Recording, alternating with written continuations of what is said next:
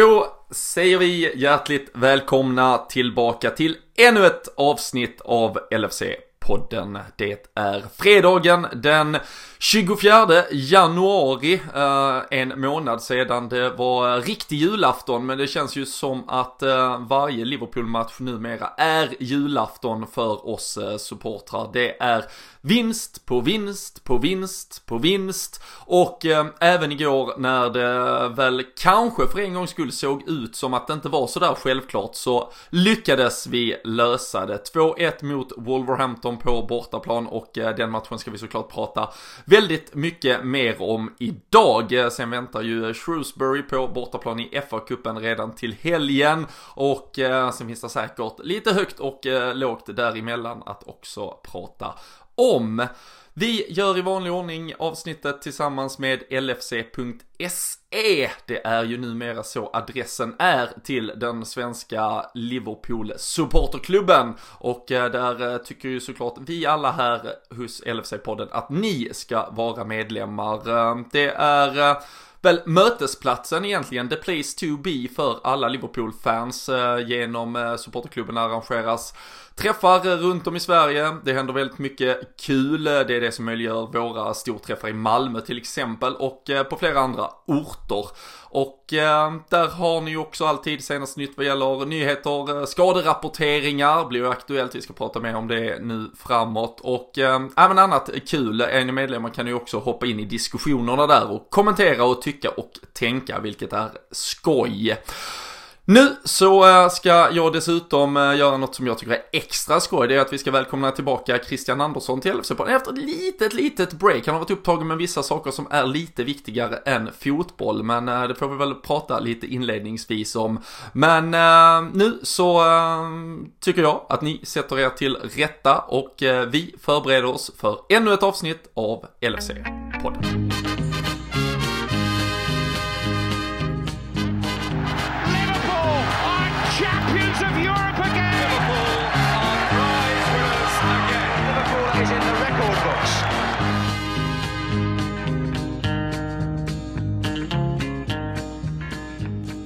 Jajamensan, eh, det är eh, fredag. Då eh, kan man väl ha lite studs i dojan kanske Christian och som jag sa här, väldigt kul att sitta med dig återigen för du har ju varit lite upptagen med annat senaste veckorna. Ja, det kan man säga. Ända från egentligen inför jul där så var man väl beredd på att det skulle komma tillökning i familjen och så blev det lite senare än beräknat men ändå 12 januari så kom det en liten flicka till världen, en liten Selma. Så man har blivit pappa igen och det, är ju, det känns ju fantastiskt. Och det är ju också fantastiskt de här tiderna när livet går så bra så man kan njuta extra av allting som sker runt omkring. Så att eh, nej, underbart är det. Och vi kan ju konstatera att det var, ganska, det var tur då i alla fall att eh, du eh, däremot då höll dig undan storträffen i Malmö. Det var ju den 11 och lördag kväll hade kunnat bli lite tufft att ta sig an den här våren annars kanske om du hade befunnit dig här nere. Ja, det var ju faktiskt så att eh, vi satt och tittade på Tottenham-matchen här hemma, jag och Evelina, min sambo. Och hon hade ju börjat få sådär ont som är lite mer extra ont om man säger. Det är svårt för en, en man att sitta och säga hur, hur ont det gör. Men hon tyckte att det kändes lite annorlunda. Det ska väl vara som en förkylning för en man om jag har förstått det. Precis, men eh, hon satt där och kände det här. Så att vi, vi, såg ändå matchen och kunde glädjas över det. Och sen så ringde hon sen på kvällen in och rådfrågade lite till förlossningen då. Då, då bad de oss komma in, så vi kom faktiskt in vid midnatt där och då var hon eh, öppen 4 cm och därefter så fortsatte vi bara vara kvar där såklart tills, det, tills allting hade, eh, ja tills allt var klart och lilla tjejen var ute. Så att eh, jag kunde glädjas av matchen och se den i alla fall och sen kunde man glädjas vidare av det lilla livet som kom. Ja men det är fantastiskt. Eh, vi har ju såklart redan fått eh, möjlighet att gratulera dig men vi får väl göra det officiellt här från, eh, från podden igen också. Det finns ju ibland som sagt vissa saker som är viktigare än Liverpool. Även om man i sin bubbla vissa stunder har lite svårt att ta, ta in det. Men det är ju såklart helt fantastiskt och det brukar ju ställa sådär eh, lite livet på lite högkant, lite balans. Man får eh, börja tippa fram på tår igen. Men eh, har du lyckats ändå hänga med i matchandet senaste veckorna till fullo? Har Selma fått förklarat för sig vilka prioriteringar som gäller? Hon vet exakt vad som gäller och jag får väl ge en eloge till Evelina med som eh, kunde hålla sig så Tottenham-matchen. Och sen att eh, Selma kom ut när det inte var match då eftersom att det precis hade varit en. Och sen efter det har hon hållit sig väldigt eh, lugn och fin, sover mycket, äter, är faktiskt väldigt lugn, skriker inte så mycket. Så man får vara tacksam tills det kanske ändrar sig, det vet man ju aldrig men än så länge har jag inte behövt missa någonting eller känna att det har blivit någon stress kring någon match och igår var jag faktiskt på puben för första gången sedan födseln också och tog mig några öl med några kompisar så att jag fick lite egen tid och det går ju också aldrig att underskatta. Så att, eh, det var härligt att komma ut dit också. Nej, äh, men så är det ju. Det är ju eh, fantastiskt och äh, nej, ett äh, Liverpool-lag som också i all den då personliga eh, lycka som det såklart är också skänker eh, lycka till oss eh, vecka in och eh, vecka ut. Men eh, om vi går tillbaka lite till hur jag introducerar och startar upp avsnitt. Håller du med om att just igår eh, kanske var en match där det kändes som det för en gångs skull den här säsongen såg ut att kunna bli ett annat utfall än det vi eh, så ofta har vant oss vid. Det kändes som att den satt hårdare åt. Den gjorde ju det också redan, så det var ett sent avgörande såklart. Men att vi genomgående under eh, 90 minuter hade lite annan ja men matchbild och liksom eh, hela eh, approachen, vår del i det, Wolves del i det, vi ska ju såklart bryta ner det, men att det var en match eh, som inte riktigt liknade kanske de senaste vi har haft.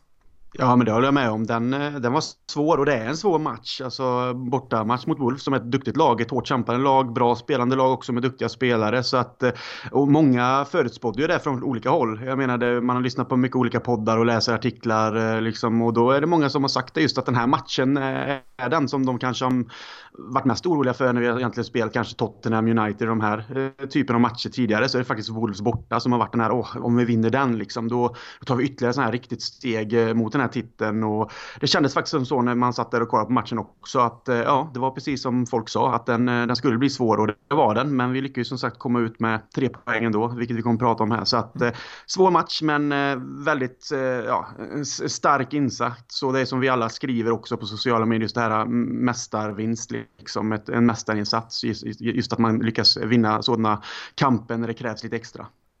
Ja men alltså verkligen och eh, jag tycker alltså det här var ju en match som hur den utspelade sig eh, var en match vi i realiteten hade kunnat förlora. Eh, när det är 1-1 och det står och väger då bör man ju ändå kanske likställa sig lite vid tanken vid att ja, men, bara vi tar ett kryss. Man vill ju ändå, dels för att poängen som sådan är viktig, det är en tuff bortamatch och ett, ett kryss där skulle faktiskt vara helt okej. Okay. Speciellt med tanke på om vi spelar bara tillbaka till förra veckan när City tappade poäng mot Crystal Palace så hade man, om man nu kan dela in säsonger i vissa sjok sådär, så hade vi ju då kommit ur Tottenham borta, United hemma och Wolves borta vid ett kryss igår med sju poäng. Det är ju samma poäng som City då tog ifrån sina möten med Aston Villa, Crystal Palace och Sheffield United eftersom de torskade en vinst där så att säga. De spelade bara kryss hemma mot eh, Crystal Palace så då kände jag liksom börja ändå likställa mig med. Det är helt okej okay med 1-1 och det, alltså kryss, håll det, rid ut det här. Mané hade fått gå av, det kändes som att vi var inte där riktigt. Robertson hade en tuff match, vi ska prata om det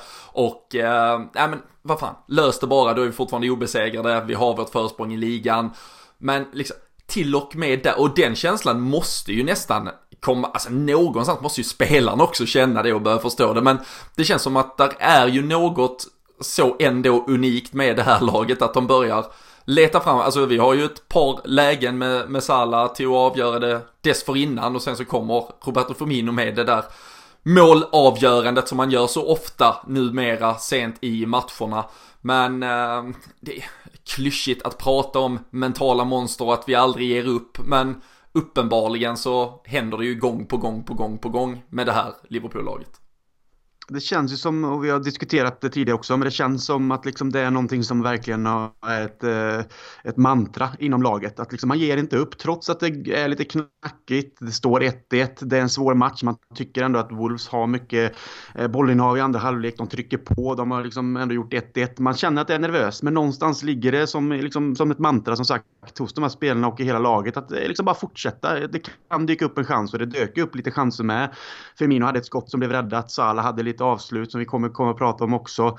Men sen i slutändan så blir det ett instick för Mino är på tårna och han gör det här målet. Och jag menar, det är väl lite det här liksom attityden att man aldrig ger upp bara och att man bara fortsätter och det är det som krävs för att man ska vinna de här matcherna. Så det känns som att de har det här lugnet med sig att även om det är svårt så tror de på sig själva hela vägen och jag tror att det hjälper i de här situationerna och vi har sett det tidigare under säsongen med när vi har tagit 1-0 vinster att det har varit svårt vissa stunder men vi kommer ändå ut eh, med tre poäng och det är ju det som någonstans betecknar ett mästarlag enligt mig. Ja, och eh, ja, som sagt även mästarseger är väl ett sånt här eh, delvis förbrukat eh, uttryck. Men eh, om, om det nu fortfarande finns klar, kvar i någon form av eh, ordlista så är det ju bara att bildsätta eh, den med gårdagens eh, match egentligen. För det, det är det ju. Eh, som sagt, det var en match vi borde kunna förlorat och med kanske all rimlighet borde ha kryssat. Och det slutar ändå med eh, tre poäng, en vunnen match återigen. Och det är ju nu fortfarande då bara en minimal plump i det där protokollet. Det är United borta och poängskörden fortsätter att bara ticka upp i skyn. Läste någon som hade gjort mer Excel-filer än mig på just hur Eh, Champions League-platserna ser ut att kunna fördelas den här säsongen. Troligtvis, om man då räknar in en del inbördes möten som ska spelas och sånt, så, så bör Liverpool, även om det inte är matematiskt fullständigt klart, så är antagligen vår poäng, eh, alltså insamling just nu tillräcklig för att ha säkrat ett eh, Champions League-spel till nästa säsong. Och det, det är ju lite andra tider än vad det var för bara några säsonger sedan. Eh, vi minns ju alla för bara, det är ju tre år sedan nu när vi liksom säkrar Champions League i sista omgången. Det var det ju det man drömde om. Eh, jag har pratat här och vi är många här som har pratat om att man ofta ville åka på sista matchen och då har jag verkligen haft sina olika förklaringar väldigt många år och väldigt många ja, det har varit spelare som har slutat, det har varit saker vi har spelat för, det har varit saker vi inte har spelat för, men liksom det som ändå kanske var liksom det första steget mot någon liten form av storhet var ju att vi ändå i slutomgångarna spelade för att säkra Champions League-plats igen. Uh, och uh, nu spelar vi alltså eventuellt, eller har vi eventuellt alltså redan säkrat en Champions League-plats i, i januari. Det, eh, det är ju ett väldigt litet förtydligande liksom på den stora transformation som har skett i Liverpool och jag vet inte, vad ska man säga, alltså Jörgen Klopp när han tog över Liverpool, lika många poäng vi hade tagit säsongen innan, det har han tagit nu, alltså på, på de här matcherna vi har ja. spelat den här säsongen. Alltså det, jag vet inte, vad fan, vad säger man Krille? om laget och vad de Nej, sysslar med. Det är ju det, man vet ju knappt om man har superlativ kvar. Man kan ju bara fortsätta hylla dem, men det blir nästan som man, man har använt allting som går i ordboken när det kommer till att hylla, eller hyllningsord, det här laget. Och det är som du säger, att, att Klopp redan då har tagit de poängen som han gjorde i sin första säsong och, och det är januari och ja, jag vet inte. Det är liksom, nu har vi några matcher framöver här som man också ser som matcher som vi bör vinna. Så man vet inte vad det här kan landa i. Alltså, även om vi går mot en, en, en förmodad titel så är det här hur, hur hur långt ska vi gå? Kommer vi vinna de här matcherna? Kommer vi vara obesegrade? Kommer vi slå poängrekord? Kommer vi liksom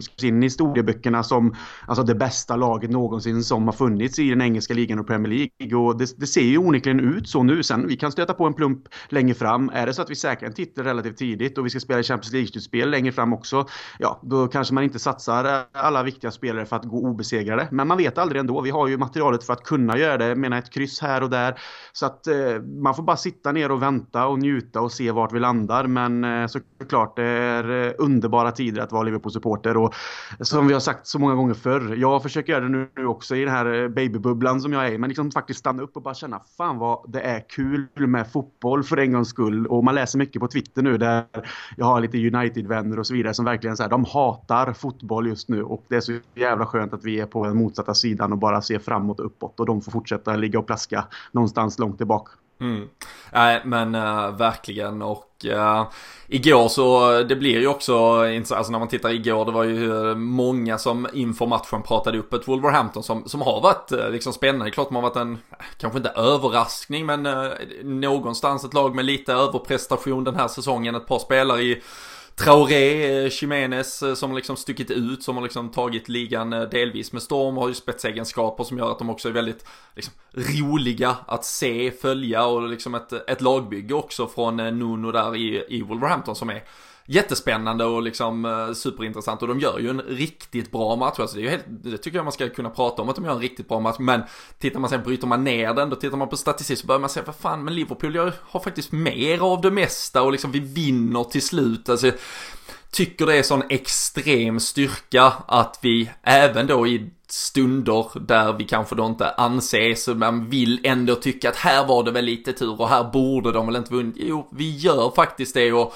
vi har till och med kanske lite fog och stöd för det när man tittar närmre på det. För det här laget håller sån extrem kvalitet och därför blir det ju när det är ett par kanske individuella lite sämre insatser som Robertson som har det svårt mot Traoré, då, då anses det som att vi har liksom blivit blottade, man har sett igenom och så och där gick det ju inte liksom, det höll de inte upp för. Men det är ju också för att vi har byggt en en bild av oss själva. Alltså det är för att vi har spelat på en så otroligt hög nivå konstant mot all form av motstånd så länge nu. Att direkt någon bara lyckas skapa målchanser mot oss så ses det ju som att de liksom välter ett berg. Och eh, det måste man ju bara ta som beröm och eh, så att eh, folk har ju varit ute liksom och skrivit det liksom, eh, där finns ju en lite, lite halvprofilerade Chelsea-supporter som brukar gnälla på både alla Liverpool-fans och ibland på Liverpool-podden här också. Stefan Riddervall som liksom skrev igår att han tyckte det var så otroligt märkligt att vi, det som var märkligt med Liverpool var inte att vi kanske vann igår när det var en jämn match, utan det är att vi gör det varje match, varje gång när det är jämnt. Men då var det så här, ja fast då är det ju inte tur. Alltså om vi gör det varje, alltså om du vinner på Lotto och blir miljonär, ja det är tur.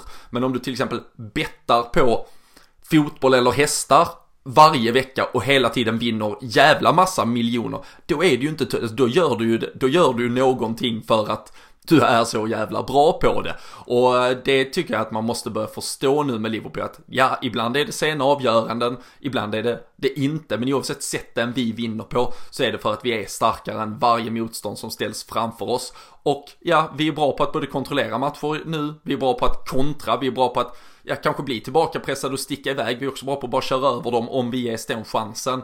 Så äh, detta är ett så äh, fullständigt liksom exemplariskt lag på alla sätt och vis att eh, äh, det, det är bara att lyfta på på den berömda kloppkepsen som eh, vi också igår eh, lottade ut i vad som annars brukar vara en tröjtävling. Men det var en glad vinnare som fick plocka hem en kloppkeps istället. Men kan du känna igen dig i det att liksom man, nu börjar det ju letas liksom, men va, hur kan de klara det och har de inte lite tur? Men det kan det väl inte vara när man gör det vecka efter vecka efter vecka efter vecka. Nej, alltså någon match är det givet att vi har haft tur, men i det stora hela så är det ju vårt sätt att lyckas kontrollera matcher över 90 minuter. Trots att det kan svaja lite så är vi ett lag som oftast tar tag i, eh, i liksom, ja, den så kallade liksom stafettpinnen och kör över. Eller liksom tar matchen dit vi vill ha den. Tappar vi lite momentum och det andra laget kommer in, ja det må så vara, men vi lyckas och pall. Och sedan brukar vi ta tillbaka det igen och då hittar vi möjligheterna och chanserna till att avgöra matcher. Så att det är ju hela lagets sätt att faktiskt dominera mot motstånd oavsett vilket motstånd och vilken nivå det är på. Så att nej, det är inte tur utan det är skicklighet och det är någonting som Klopp har byggt från början och det är en vinnarmentalitet helt enkelt. Att även om det går lite knackigt i vissa stunder så lyckas vi hitta de här ja, sätten att faktiskt vinna oavsett om det är en individuell prestation av någon av våra spelare eller om det är laget, kollektivet som gör det. Så är det liksom ändå någonting som Klopp har byggt från dag ett och som nu vi får se liksom att vi plockar frukten av. Att han är den coachen han är som har lyckats ta ett lag hit. För jag menar, ser man på spelare eh, per spelare i laget så liksom alla har ju vuxit. Vi kan prata att van Dijk kom in som en, en av kanske då ja, potentiellt en av de bästa mittbackarna i världen. Men han har ju också vuxit under Klopp och blivit den bästa mittbacken i världen. Vi kan prata om Robertson som kom från Hall. Det var mer så men en backup, jättebra, yngre kille, potential. Han har vuxit och blivit en av de bästa vänsterbackarna i världen. Trent, egen talang, stor potential. Han har vuxit till att bli kanske den bästa högerbacken i världen just nu. Vi har Wijnaldum, vi har många spelare som alla har vuxit under Klopp. Salah kom eh, misslyckad i Chelsea, han gjorde bra i Italien. Han kom som, ja men han ligger precis under den här nivån av att vara världsklass. Klopp tog honom ytterligare ett steg. Mané spelade i SA 15, tog honom ett, alltså det är exempel efter exempel på spelare som har legat precis under den där världsklassnivån som Klopp sen har handplockat, tagit in i sitt system, eh, gett dem förtroende, coachat dem på det sätt han gör och så vips har de blivit världsklasspelare och, och Firmino är likadan så att det är liksom det är ingen, det är ingen slump utan det här är hårt arbete, en man som vet vad han vill, vad han har för visioner och Liverpool och alla spelare har tagit det till sig och nu står vi här. Vi är Champions League-mästare, eh, världsmästare, lyft pokaler på väg mot en Premier League-titel. Så jag menar att folk vill sitta där ute och säga att vi har tur, det är bullshit. Utan det här är någonting som har byggts under de här åren som Klopp eh, har varit här. Och det är nu vi ser liksom de högsta höjderna av det. Och nu när han kommer stanna eh, några år ytterligare. Och han kommer föryngra, det har han sagt också. Det kan komma en liten svacka, men han kommer försöka se till att hålla den här nivån. Så det är ju en storhetstid nu som vi måste bara se att vi Liverpool-supporter njuter av och alla andra kommer sitta och vara avundsjuka på det här. Men att de som sagt säger att det är tur, de har inte riktigt koll på, på Liverpool helt enkelt och hur det har byggts. Och då, ja, då kan de få skriva sitt och så kan vi egentligen sitta och skratta hela vägen sen fram till toppen. Ja, ja men lite så är det ju. Och uh, jag tycker också jag hittade, ramlade över en, en uh, annan lite intressant uh, fakta på det. För vi har ju som sagt vi gick ju sju helt då defensivt så att säga mållösa matcher här från att vi hade släppt in mot Everton i ligaspelet då. Vi räknar bort VM-äventyret och så fram till att vi Spelade igår då och släppte in Raúl Jiménez mål. Och det finns ju Opta och och eh, massa andra så här statistiktjänster som mäter eh, alltså, ja, kvalitet på chanser. De mäter ju såklart allting men det, det man brukar då kalla alltså big chances, alltså riktigt heta målchanser man får mot sig. Och eh, i den perioden så hade vi faktiskt 16 sådana mot oss och i normalfallet så gör motståndare mål på 40% av sådana chanser. Skulle vara alltså typ sju mål vi borde ha släppt in. Eh, det, det som då Jiménez gör är det första, det är alltså det enda. Det betyder att vi släpper in ett på 16, det är 6,25%. Och då skrev någon en eh, jävligt intressant, för det var någon som började prata då om liksom, det måste väl i alla fall vara tur och sådär, att det är ju helt eh, galet udda statistik också. Men så pratar de om, alltså det som Liverpool har lyckats bygga, det är ju att för en motståndare att möta Liverpool helt plötsligt, det är inte längre som att möta Burnley eller Bournemouth med all respekt. Till och med inte ens vad det är att möta ett United. Precis som det inte var för lag, när, menar Blackpool kunde komma till Liverpool för 8-10 år sedan och vinna mot oss. För man hade inte respekt, man hade liksom en tro på sig själv när man kom i de situationerna. Idag när spelare, i detta fallet då oftast offensiva spelare, möter Liverpool. Dels så är vi så jävla bra så när de får bollen så vet de att de kanske bara har en hundradel sekund på sig att ta liksom ett beslut. Det betyder att du kanske bara smattrar till bollen, du har inte liksom full alltså, hjärnkapacitet påkopplad för att ta ett rationellt beslut. Men också att du, du är så pressad, du är så uppumpad, det är som att du spelar en cupfinal i stort sett. Jävligt bra utläggning, jävligt intressant in, alltså inblick i hur det antagligen är att möta Liverpool. Och det gör ju att man då när man börjar titta på statistik kan det se ut som att vi, det särskiljer sig så extremt för att det ligger under eller över eventuella medel. Men du måste ju väga in vad det är som påverkar situationen som gör att lag mot oss till exempel inte är lika effektiva som de borde vara då enligt statistik och så vidare. Och eh, kul att ha med sig och liksom, jag tror alla kan liksom förstå tanken, men ofta när vi liksom bara matas med liksom info och statistik och allting som vi gör i dagens fotboll så är det ganska intressant att ta liksom det större perspektivet på det och jag tror det ligger jävligt mycket i det och eh, det är skillnad när du vet att van Dijk och Allison är de två som kommer mot dig kontra om det är dagens David de Gea och eh, Harry Maguire. Alltså det, det, det, är sån extrem skillnad. Då kan chansen vara exakt likadan på både Old Trafford och Anfield. Men du kommer vara jävligt mycket mer stressad när du har den chansen mot Liverpool. Så eh, nej, äh, ett äh, ytterligare bara kanske bevis på den äh, styrka och liksom den kollektiva, eh, extremt höga nivå vi har eh, tagit oss eh, upp på. Men eh, vi ska väl eh, lite i alla fall dyka in i någon eh, kronologi och kring alla händelser som eh, föranledde det som till slut blev en 2-1 seger och eh, därmed Liverpools eh, 22 seger på 23 försök, 67 poäng totalt som är nu inspelade och det gick ju ganska snabbt. Du hade väl precis satt dig till rätta på puben i stort sett, kanske fått in andra ölen till och med, vem vet, men eh, Jordan Henderson, kaptenen, fick eh, inleda målskyttet och eh, han tryckte in en nick som han i efterhand också har förklarat att det hör ju inte till vanligheterna. Han kunde inte riktigt komma på senast men ack så skönt ändå. Alla mål räknas så det är ju bara att tacka och ta emot. Ja, ja, och jag menar en höna, återigen en Trent-hörna och så en Henderson som kommer upp på liksom ett kaptenvis helt enkelt. Han visar vägen här och nickar in den och även om han inte är den som brukar göra det så är det ju fint att eh, det också händer och det är ju skönt att få det där 1-0 målet väldigt tidigt också. Och det är precis som du säger, hade vi precis fått in den andra ölen tror jag. Och, och man satt där liksom och kände att eh, ja, men vi behöver känna lite på matchen och så vidare. Så får vi den hönan och, och trycker in 1-0 och det, det känns jäkligt skönt när man ändå också känner på förhand att Wolves kommer vara svårt. Så att just ett 1-0 mål bortaplan på det sättet. Eh, det är klart, det ger en ju större hopp än vad kanske matchen sen utvecklades till. Men eh, nej, viktigt att ta den eh, ledningen i början där. Och eh, återigen, alltså som, säger, som du nämner, alltså fast situation. Trent med sitt tionde assist på 23 matcher. Det är bara det är också så otroligt löjligt och eh, alldeles enastående bra. Men äh, det, det, har ju sannoliken funnits tider då man kände att fasta situationer och Liverpool, det var nästan bättre att bara skicka hem den till målvakt och börja om. Men det är ju ett vapen och vi ska komma till även det sista målet som avgör matchen. Men här, eh, och här har ju Klopp också de senaste veckorna verkligen lovordat liksom teamet runt honom. Men eh, jag tycker också det är ett sånt jävla bevis på ett, ett lag som kanske då anses vara så otroligt fulländat med potential och med liksom individuell briljans att man ändå också förstår vikten av de där chanserna och i en match som igår så visar det sig till syvende och sist att det är just en precision på fasta situationer som, som avgör. Och det måste ju vara en styrka som någon också att kunna förstå var man kanske inte var ändå optimal för ett eller två år sedan och så, ja då bör vi fanta mig jobba på den biten också och det bär nu frukt.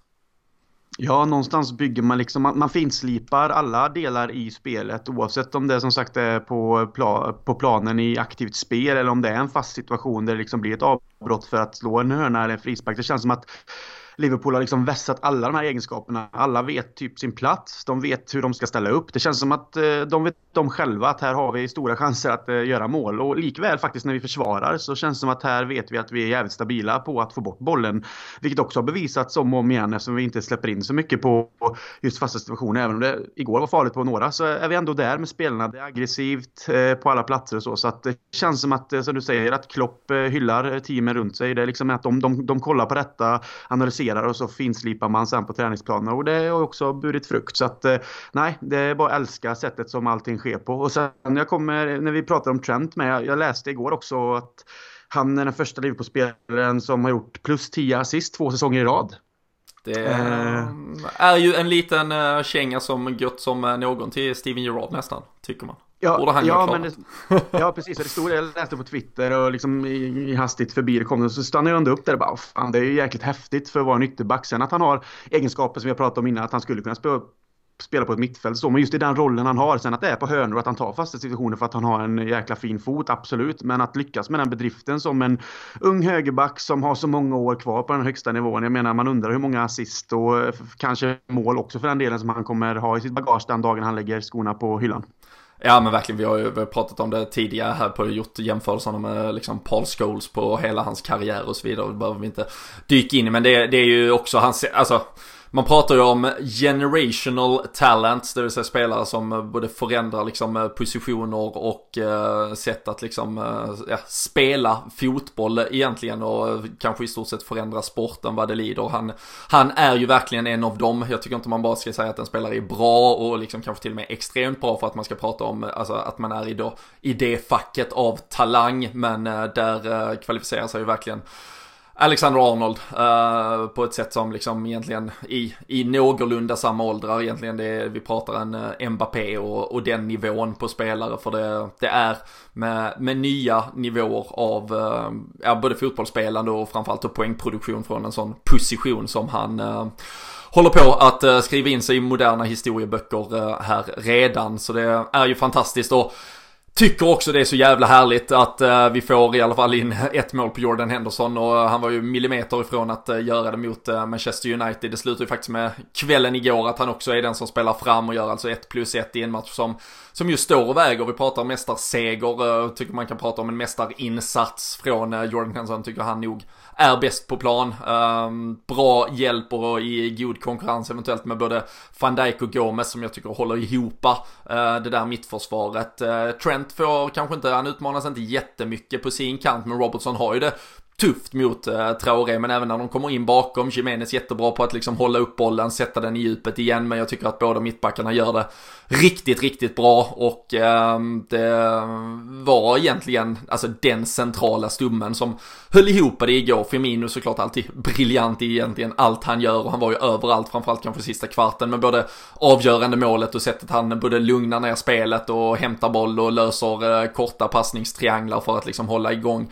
både boll och få eh, tid att eh, ticka. Men eh, Jordan Henderson återigen med en insats eh, som, ja, ja men symboliserar och markerar alltså nivån han spelar fotboll på den här säsongen. För det har vi också fått ja, vänja oss lite vid Christian att prata om den här säsongen men uh, nu gör han en 1 plus 1 och det är väl kanske det sista som har saknats att det skulle komma lite poängproduktion från honom också för nu kan man ju inte prata om honom i andra ordalag än en lagkapten för ett Liverpool-lag vi kommer att minnas för evigt.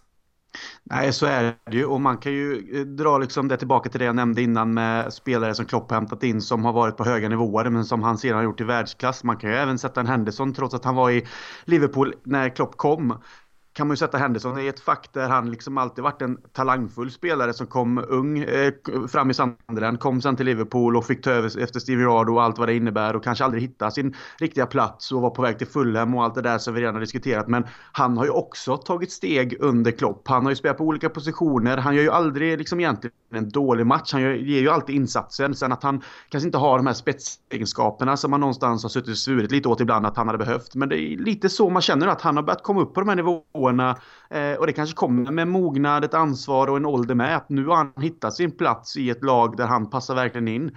Och han gör mål, han gör assist, han kämpar, han river, han sliter, han läser spelet. Så Henderson är också en spelare som under Klopp faktiskt har nått nivåer. Han tillhör en av Englands bästa mittfältspelare, en av Premier Leagues bästa mittfältspelare och då tillhör tillhör han också kanske på något sätt en mittfältare som också ligger, kanske inte riktigt i världsklass när man sätter dem liksom stora i ett sammanhang, men han håller nivåer att han skulle kunna spela i mångt och mycket i vilket lag som helst i Premier League och en, ha en framträdande roll. Så att eh, all eloge till Henderson och även om han fått ut så mycket skit från både från oss och andra så har han bevisat att han tillhör den nivån nu och då är det också återigen av med den berömda hatten i det här fallet och bara liksom ja, kapten Henderson det är liksom det är du som får lyfta de här bucklorna åt oss och du kommer finnas i historieböckerna och, och vi kan inte göra annat än att bara hylla dig hela vägen och du kommer liksom vara en legend. Den dagen du lägger skorna på hyllan så kommer alla kommer ihåg dig och eh, kidsen kommer vilja vara dig likt de ville vara Steven Gerrard tidigare. Så han har ju verkligen lämnat en legacy i Liverpool eh, under sina år och det han håller på med nu i det här laget. Så att nej, bara hyllningar till vår kapten.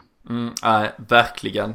Och eh, det som däremot var kanske smolket i eh, glädjebägaren om vi eh, stannar vid eh, första halvlek eh, var ju såklart att eh, Sadio Mané fick eh, kliva av. Uh, vi hade nåtts av uh, uppgifter uh, innan, eller Adam Lallana saknades i truppen på grund av sjukdom och sen var det faktiskt lite snack om att van Dijk framförallt skulle ha varit lite, lite sjuk och lite illamående inför matchen. det var ju även något extremt vagt rykte som florerade kring att Sadio Mané skulle bänkas inför matchen, men det var alltså en egentligen tycka till-artikel från en kolumnist på Liverpool Echo, så det var ju faktiskt inget som det fanns något fog för, så han var ju fullständigt fit for fight när matchen väl gick igång. Eh, men när han då linkade av så trodde jag först att det kanske faktiskt var lite någon sjukdomssymptom. För han kändes bara, han känts ganska slö egentligen hela första, eh, ja, dryga halvtimmen han spelade och även när han linkade av så var det ganska obekymrat men lite sådär bara ja men lite uppgivet äh, egentligen, tog sig inte riktigt för någon eh, muskel alls men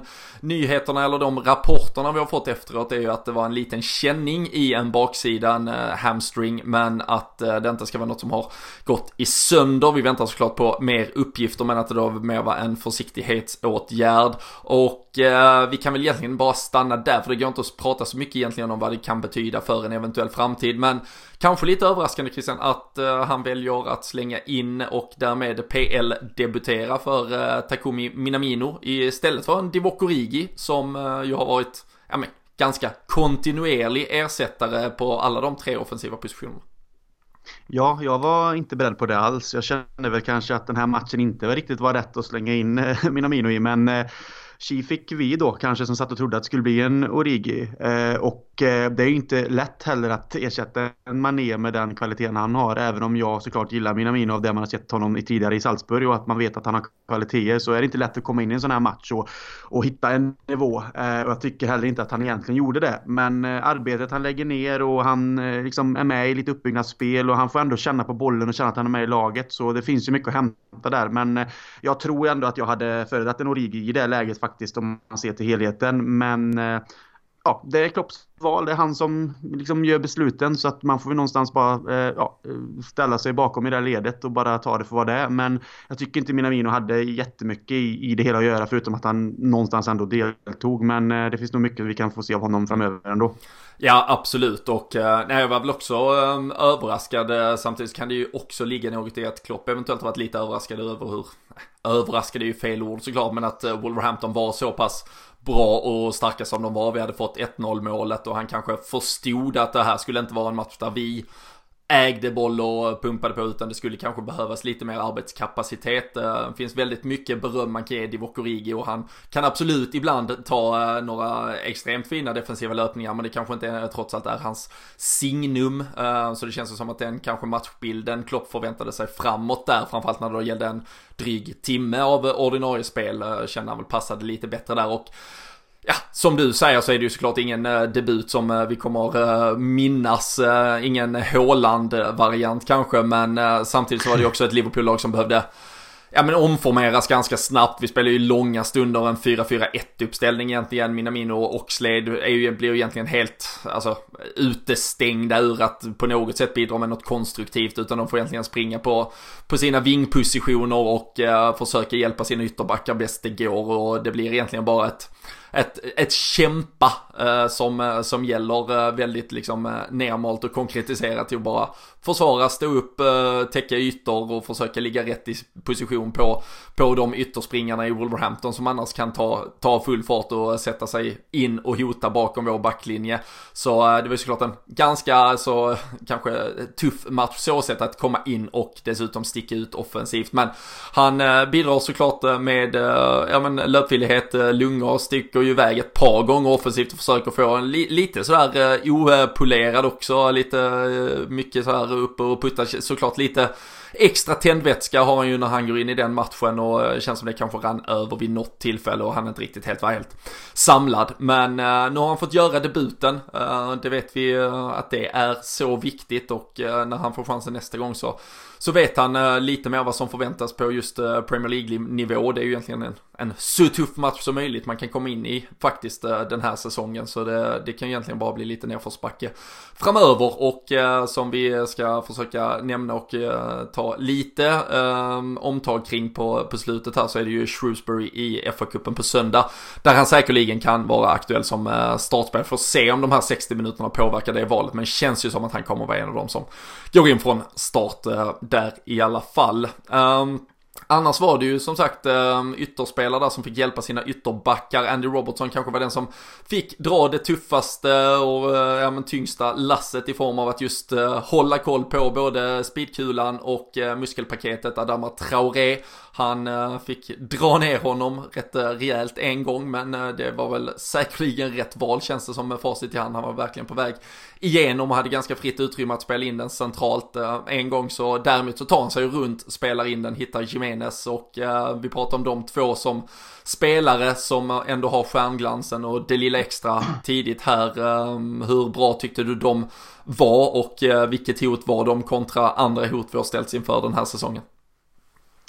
De är ju bra och de är farliga. De är två spelare med kvaliteter. Eh, Traoré kanske först och främst då för att han har sin snabbhet, sin styrka. Att liksom när han trycker iväg sådär så kan han ju hålla ifrån också. Eh, sen fotbollsmässigt, han är, han är ju en dribbler också men jag menar, han har ju varit hypad sen han var ung i Barcelona och sen kom han väl till Aston Villa om jag inte missminner mig fel och sen har han varit nere i lite lägre i Championship och så vidare. Det känns som att han har hittat någon slags nivå nu men jag tycker inte han håller en nivå där han platsar i de större lagen i Premier League. Däremot är han en duktig spelare men det, det är någonting kanske som fortfarande fattas där. Sen eh, eh Jemenes tycker jag han är ju en spelare som Mm, jag tror hade varit jäkligt fin att se i Liverpool som en, en, en, att sätta in. Liksom. Jag gillar hans sätt att spela. Han är duktig som du sa, hålla uppe bollen och han, han är teknisk. Han är bra, han har bra avslut, bra på huvudet. Han har många fördelar just i det. Men eh, ja, jag menar, Wolves håller ju en sån nivå nu och de spelar så pass bra fotboll att de två passar in i det de gör och de är hot. Och de, har, de var ett stort hot mot oss, oss också. Och de är ett hot mot de andra lagen. Men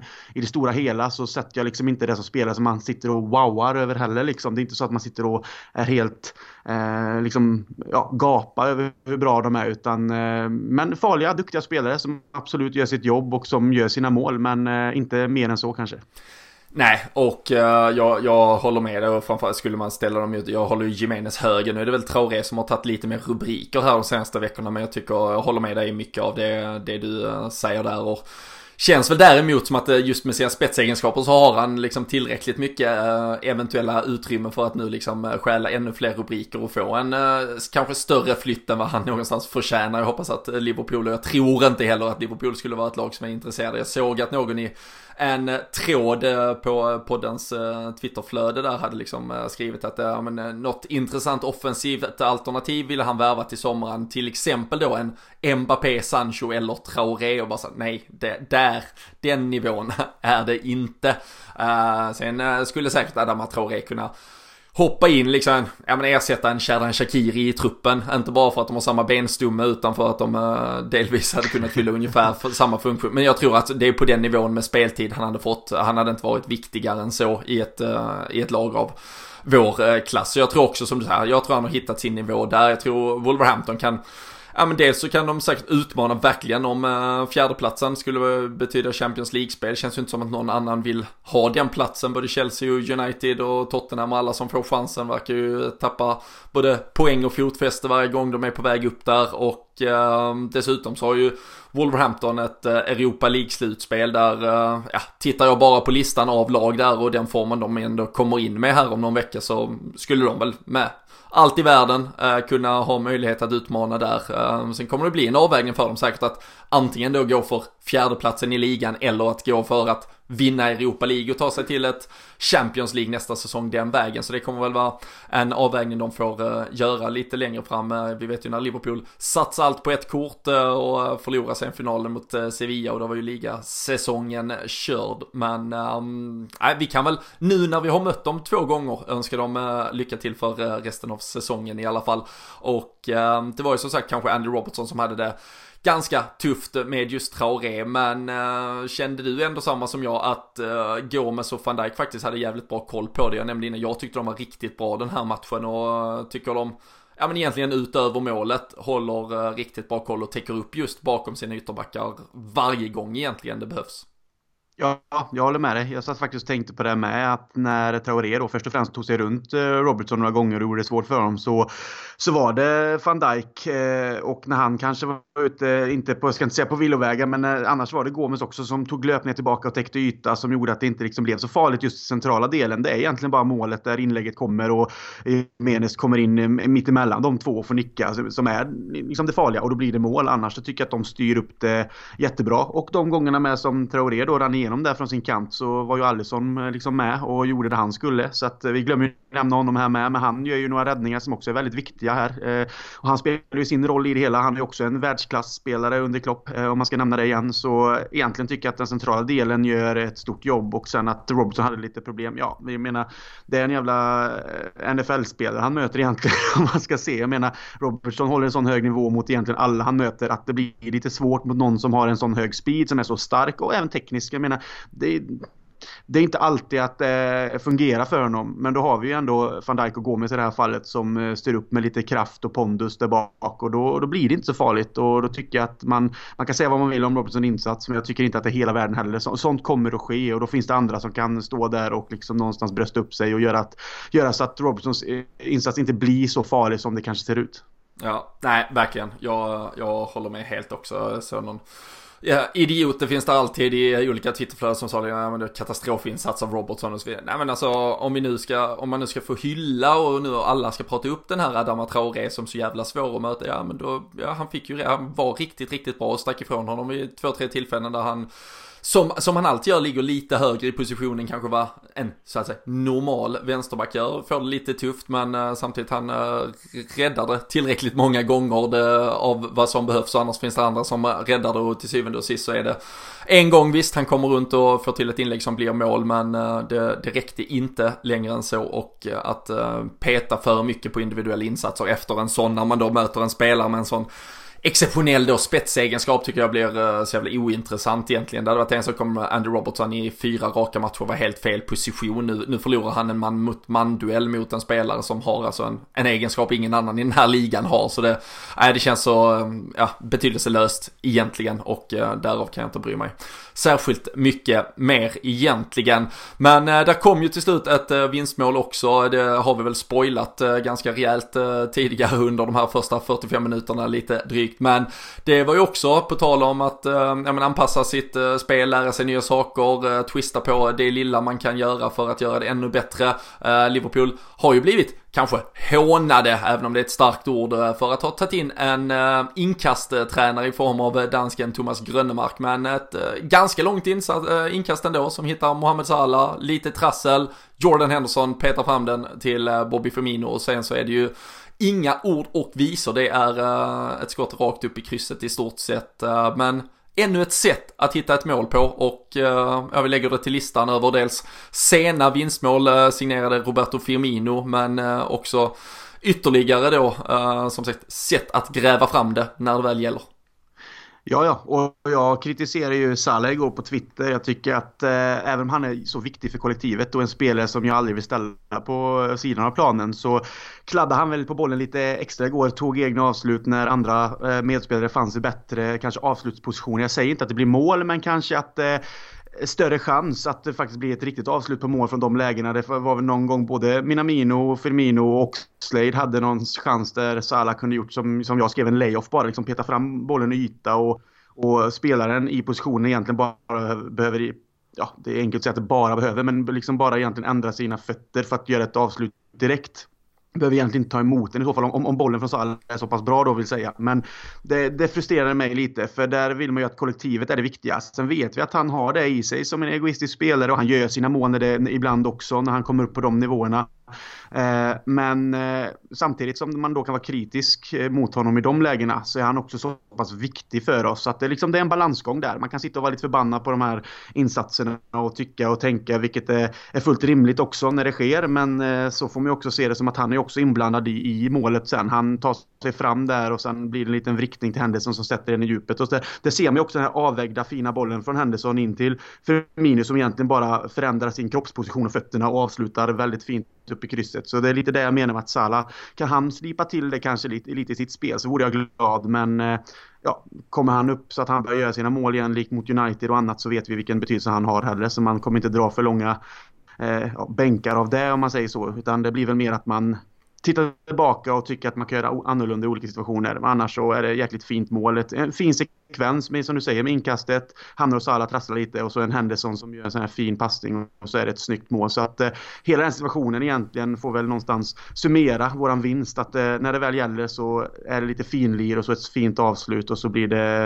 eh, extas och så vinner vi och tar tre poäng mot den titeln som vi så länge har längtat efter. Ja, äh, verkligen och uh, var inne på det lite tidigare. Jag tycker också det är så jävla fint att se. Alltså dels tycker jag att Robert Firmino liksom, han är ju symbolspelaren på, på så många sätt och vis för uh, detta Liverpool. Vi kan prata om vilka spelare som är bäst, vi kan prata om spelare som är viktigast eller som har liksom förändrat eh, laget eller våra insatser eller våra möjligheter att vinna mest. Men eh, när man liksom pratar om Jürgen Klopps Liverpool om 50 år, då, då, tror jag att alla som liksom var med på den här tiden kommer att referera till, ja men då hade vi en spelare som hette Roberto Firmino, han var liksom nyckeln till allt. Det är inte, ni kan inte kopiera det Liverpool gjorde 2000 18, 19, 20 utan Roberto Firmino för det går inte för han är liksom nyckeln till allt. Och eh, även om det absolut aldrig kommer krävas för Liverpool-fansen att liksom älska honom att han gör några mål så, eh, så är man också så jävla glad för honom att han får just ja men ändå, eh, sätta dit dem också. Alltså det är ju självklart att det betyder dels eh, något för honom och det finns alltid liksom eh, statistikböcker där man gärna figurerar som en anfallare. Men, ja men bara dels hur han driver på under en hel match. Det är inte liksom, återigen, det är ju inte tur heller att det är han som återigen är där och avgör i slutskedet. Men sen också de sista dryga 10 minuterna med tillägg som följer efter hans mål så är han liksom, han, han är i stort sett den som möter varenda, alltså oavsett om vi har inkast nere vid eget straffområde eller uppe vid offensivt straffområde så är det han som är där och möter. Han vill ta ner dem på bröstet, han vill hålla dem vid sin fot, han vill starta de första två, tre, fyra passningarna för då vet han att då kommer vi liksom komma ur både första och andra press så länge han är med och styr det. För så jävla bra är han. Och eh, på samma sätt som han liksom löser våra eventuella defensiva bekymmer i sådana lägen så löser han så otroligt många offensiva eh, möjligheter eh, med sitt spel. Och eh, ja, det, det, har väl förhoppningsvis sagts tillräckligt många gånger nu men jag vet inte om man egentligen kan bli trött på men eh, han är, han är så mycket detta Liverpool och eh, är så otroligt jävla tacksam att han är i vårt lag och eh, kvalificerar sig väl också såklart i, eh, i den långa raddan av spelare du pratade om inledningsvis som har eh, växt ut så otroligt mycket under Jürgen Klopp och eh, tagit helt nya nivåer och eh, också en spelare som för, för den eventuella efterträdaren som någonsin kan liksom försöka kopiera honom kommer att ha förändrat lite av sättet att spela anfallsfotboll på. Det har pratats om, finns såklart den renodlade strikern och det fanns den falska nian och eh, jag vet inte vad man ska sätta för epitet och etikett exakt på Roberto Firmino men han, han är något alldeles extra och eh, eget som eh, faktiskt inte går att kopiera just nu så eh, det är bara att skatta sig lyckliga där att vi har honom Krille och eh, som eh, du nämnde så är det ju en törst av eh, 30-årig väntan vi hoppas kunna släcka. Nu är vi ju då återigen 16 poäng före Manchester City. Vi har en match till godo och det ska ju sägas att Manchester City går in i ett riktigt på pappret i alla fall, tufft eh, spelschema. Deras eh, kommande sex matcher det är mot eh, Tottenham borta, West Ham hemma, Leicester borta, Arsenal hemma, Manchester United borta, Burnley hemma. Medan vi då utöver hängmatchen som vi har som hänger kvar där sen VM, ja, avstickaren så har vi ju West Ham borta på onsdag i nästa vecka. Men sen är det Southampton hemma, Norwich borta, West Ham hemma igen då, Watford borta, Bournemouth hemma och Everton borta. Och eh, om City bara tappar eh, sex poäng där på de eh, sex matcherna Krille, då är det eventuell guldmatch på Goodison Park. Såklart med eh, brasklappen att vi har gått rent däremellan, men det gör vi ju nu för tiden. Uh, lockar, det med, om, liksom, lockar det mer att få tvåla in det på lillebror eller uh, om du då får välja på att hålla det en vecka för att avgöra på hemmaplan när uh, 30 års väntan ändå ska liksom få eskalera på något sätt. är det, väger det ändå över att få fira på, i sin hemmaborg än att uh, få vara så odräglig som uh, det hade kanske upplevts om vi gjorde det på andra sidan parken. Ja, det väger ju över att fler eh, Liverpool-supportrar får ta del av det på plats och den känslan av att vara på hemmaplan på Anfield och återigen då få lyfta bucklan även om det inte inte blir fysisk form just där med att man då blir korad ligamästare. Eh, det väger över, men jag hade inte klagat och tyckt illa om det var så att vi gjorde det på Goodison utan då hade man kanske mer eh, skrattat också på något sätt. Även om det är lite fult, men jag, jag hade ju absolut inte suttit och gråtit om det var så att det var att vi säkrade en liga till på Goodison. Men får jag välja så önskar jag att det är på Anfield för ja, allt vad det betyder. Jag tror att alla som lyssnar ute förstår vad jag menar. Mm. Nu är det så, vi har ju som sagt den här hängmatchen mot Wales. Vi kommer tillbaka där. vi ska prata upp det. Vi ska prata lite eh, Shrewsbury här alldeles strax och sen är vi tillbaka efter den och pratar upp eh, West Ham-matchen som, eh, som sådan eh, lite mer. Men det, den är ju en hängmatch.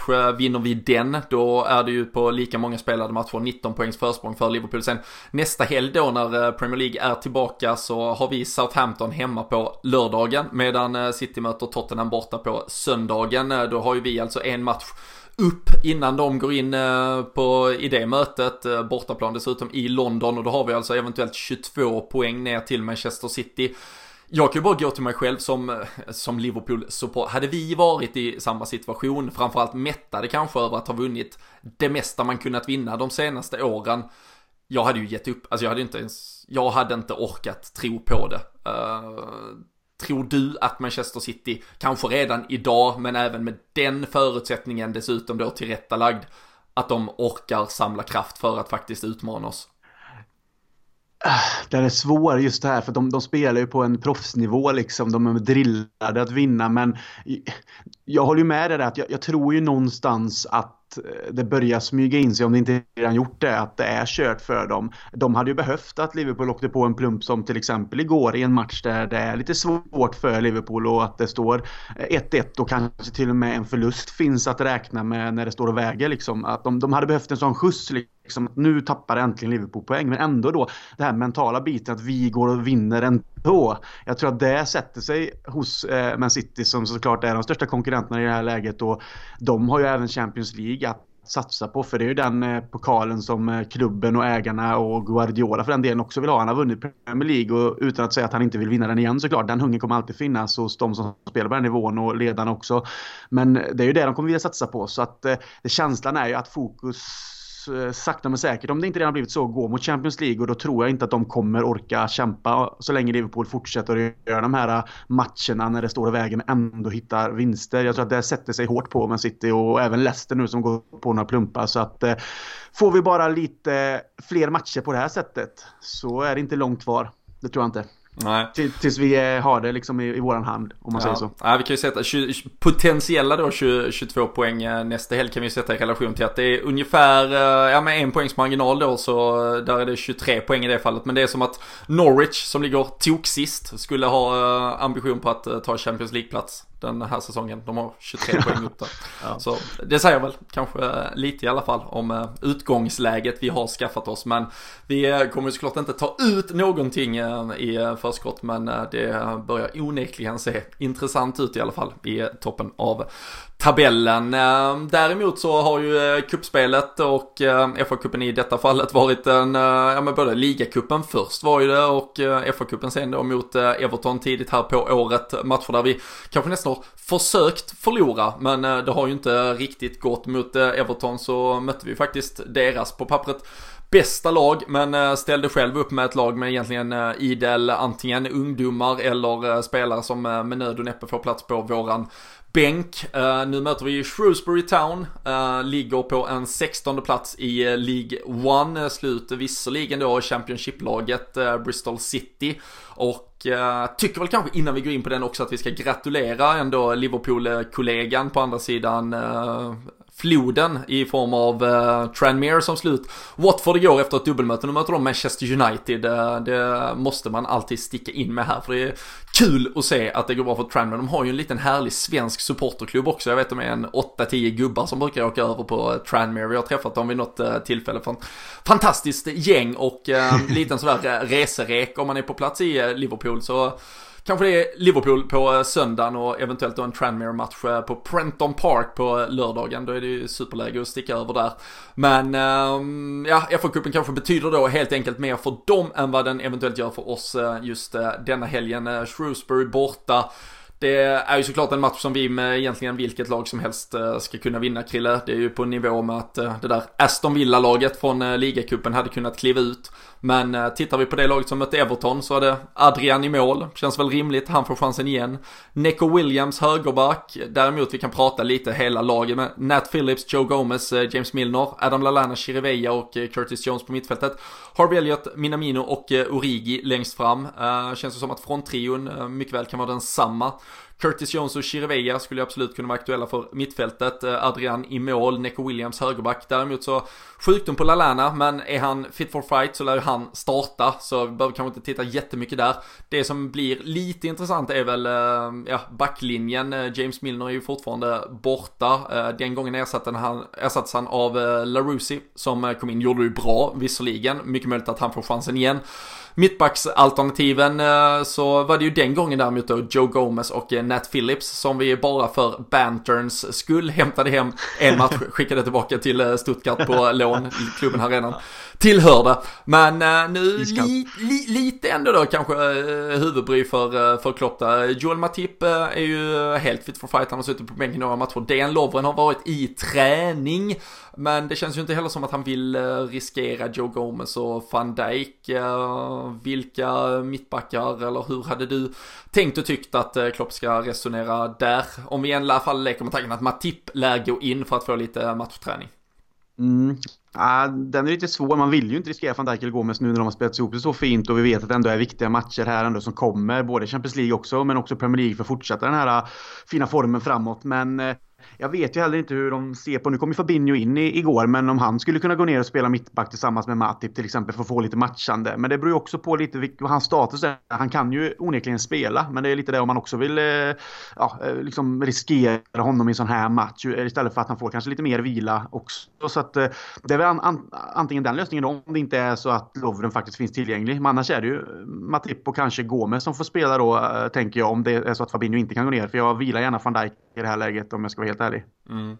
Ja, jag tänker väl personligen kanske att eh, dels så tycker jag att Oxlade har börjat se lite trött ut. Jag tycker inte riktigt att han har kommit upp i eh, full eh, nivå. Tycker han såg lite, eh, ja men sliten ut faktiskt redan mot Manchester United eh, innan han blev eh, utbytt. Det var väl i och för sig snack om en kanske liten, liten skavank men igår även om han då var lite förpassad till en roll där han inte riktigt får ut sin fulla rätt kanske lite, lite svagare också. Så känslan är väl att Fabinho närmar sig en eventuell start för att få tillbaka det där mittfältet som vi vet att Klopp helst föredrar och eh, han kanske då ska spela redan mot West Ham eh, till, eh, till veckan sen. Eh, så så om han inte ska det kunna jag absolut vara aktuell här men i, i min värld tänker jag att Fabinho ska vara aktuell för att starta mot West Ham och men jag tänker att Matip går in. Det är en Lovren spelar ifall han är redo men annars så tycker jag vi är på så pass många storlekar större än detta Shrewsbury att då är det bara att titta längre ner i hierarkin om det så är Kiana Hoover eller om vi rent av spelar Sepp Vandenberg som Judd Hamby tycker har varit dålig när han har fått chansen. Men hellre gör det än att eh, dels så ska han Ja, faktiskt sant, klar, han ska faktiskt klara nivån tycker jag. Och eh, ja, annars så får det väl så vara. För jag tycker inte vi kan riskera att använda Joe Gomez ens här. Han, han spelar ju faktiskt som sagt den Everton som har ju spelat egentligen Konstansen han kom tillbaka har också varit helt briljant. Eh, men eh, här känns det som att det är dags att låta honom vila. Ja men det är sant faktiskt. Är det så att man liksom känner att det är dumt, vilket det är, att riskera och Lovren inte finns tillgänglig att komma in och få matchande, men Matip faktiskt är det, ja då är det kanske bättre att Matip får vara den som är den styrande och returnerande och så får man använda sig av Höjver eller Sepp van den Berg beroende på vem man anser passar bäst och vem som kanske ska ha en chans och form och så vidare. Men när vi har de här ungdomarna som ändå anses som talanger så är det väl den här typen av matcher som de ska få visa upp sig. Jag håller med dig om att eh, van den Berg heller inte har egentligen rosat marknaden sedan han kom, men han har talang, det har han och han kanske behöver växa in i det lite mer, så varför inte? Men eh, vi har ju onekligen verkligen eh, spännande talanger så att eh, sådana som Elliot och liksom eh, van den Berg har ju fått chansen att spela och Williams, det är bara kul att se och de gör det så pass bra och då vi bevisar dem mot Everton så att eh, givetvis ska de få möjligheten att spela här i FA-cupen och så vilar vi de andra rutinerade liksom A-lagsspelarna inför vad som komma skall så är jag jättenöjd. Mm. Nej, verkligen det, det, är jag också. Uh, tror du det blir uh, avancemang, ytterligare ett steg i FA-cupen? Om vi ponerar att det är ungefär det där laget vi ställer ut på plan? Jag har ingen aning om Shrewsburys kapacitet överhuvudtaget. Men jag kan säga att de har inte vunnit en enda match de senaste fem i alla fall. Ah, Okej, okay. nej men se, ser man till ändå de spelarna vi har och vad de har presterat och vilken talang många unga har som jag nämnde här och även om vi blandar in då med Minamino, Rigi, Lalana och så vidare så liksom, då, då, ska vi gå vidare 9 av 10 gånger. Eh, så att eh, jag tror ju att vi avancerar och att vi gör det relativt komfortabelt. Sen ska man inte ta någonting från Shrewsbury för de kommer ju antagligen kämpa som fan för det här är ju en cupfinal för dem att få möta Liverpool. Så man måste ändå se upp men jag tror att vi tar oss vidare. Det tror jag också. Men eh, vi får se hur det utspelar sig. Eh, söndag eftermiddag 18.00 eh, spelas matchen svensk tid. Och sen är vi tillbaka med ett avsnitt. Antingen om vi spelar in direkt där på söndagskvällen efter den matchen eller kanske tidigt måndag. Men någon gång under sen söndag eller förhållandevis tidig måndag hoppas vi ha ett nytt avsnitt ute till er. Förhoppningsvis så kanske vi vet lite mer kring Sadio Manes skada, hans status inför West Ham-matchen som väntar där några dagar senare. Och eh, där eh, händer säkert massa annat i vanlig ordning att eh, rapportera kring. Vi hade en liten tanke om att vi skulle prata lite eventuellt januari transferfönster även om det inte riktigt händer något men att det kan ju börja lägga grunder för framtiden. Men vi var lite för exalterade och upptagna i den där fantastiska segern över Wolverhampton så vi sparar den karamellen till lite längre fram. Men där finns lite utslängda frågor sedan tidigare på Twitter. Hoppa in och ge er in i diskussionerna så vet ni att vi hörs snart igen. Vi pumpar ju på med avsnitt i samma härliga takt som Liverpool spelar matcher och eh, tycker ni att vi eh, gör det med den äran och eh, tillräckligt bra och ni tycker att vi bör fortsätta göra det väldigt eh, ofta, väldigt mycket och eh, så bra vi bara kan så blir vi sjukt glada ifall ni vill surfa in på patreon.com LFC-podden. Då kan man nämligen bli sådär en liten poddsupporter. Man kan sätta upp så man donerar 2 dollar i månaden till oss. Det är förhoppningsvis ingen superstor slant för er men det är med många bäckar små jättestora möjligheter för oss att göra mer roliga saker. Vi försöker ju komma dels ut i landet och vi försöker att anordna resor och annat skoj och det är ju helt fantastiskt att vi har just Liverpool Aston Villa. Nu drog vi ju verkligen händelserna i förväg med tidigt ligaavgörande och annat men den där matchen ser ju så jävla spännande ut eh, så man eh, kan ju fan knappt sitta still eh, bara av tanken på att vi drar dit med 45 stycken fantastiska lyssnare. Men de chanserna kommer förhoppningsvis ges igen till både höst och vår nästa säsong men det kräver också att vi har möjlighet att möjliggöra sådana saker. Så som sagt, gillar ni allt det vi gör både i form av podden och allt runt omkring så surfa in på patreon.com slash LFC-podden. Gör ni det innan den 31 januari så kan ni också vara med. Då lottar vi ut en matchtröja, en förhoppningsvis då guldvinnande sådan. Så eh, den kan också vara nice att lägga beslag på. Men återigen, tack för att ni lyssnar, tack för att ni har varit med oss äh, ännu ett avsnitt. Äh, vi hörs, äh, ja men när ni minst anar det egentligen, vi är ju tillbaka snart igen. tack så mycket, ha det fint, hörs vi snart igen.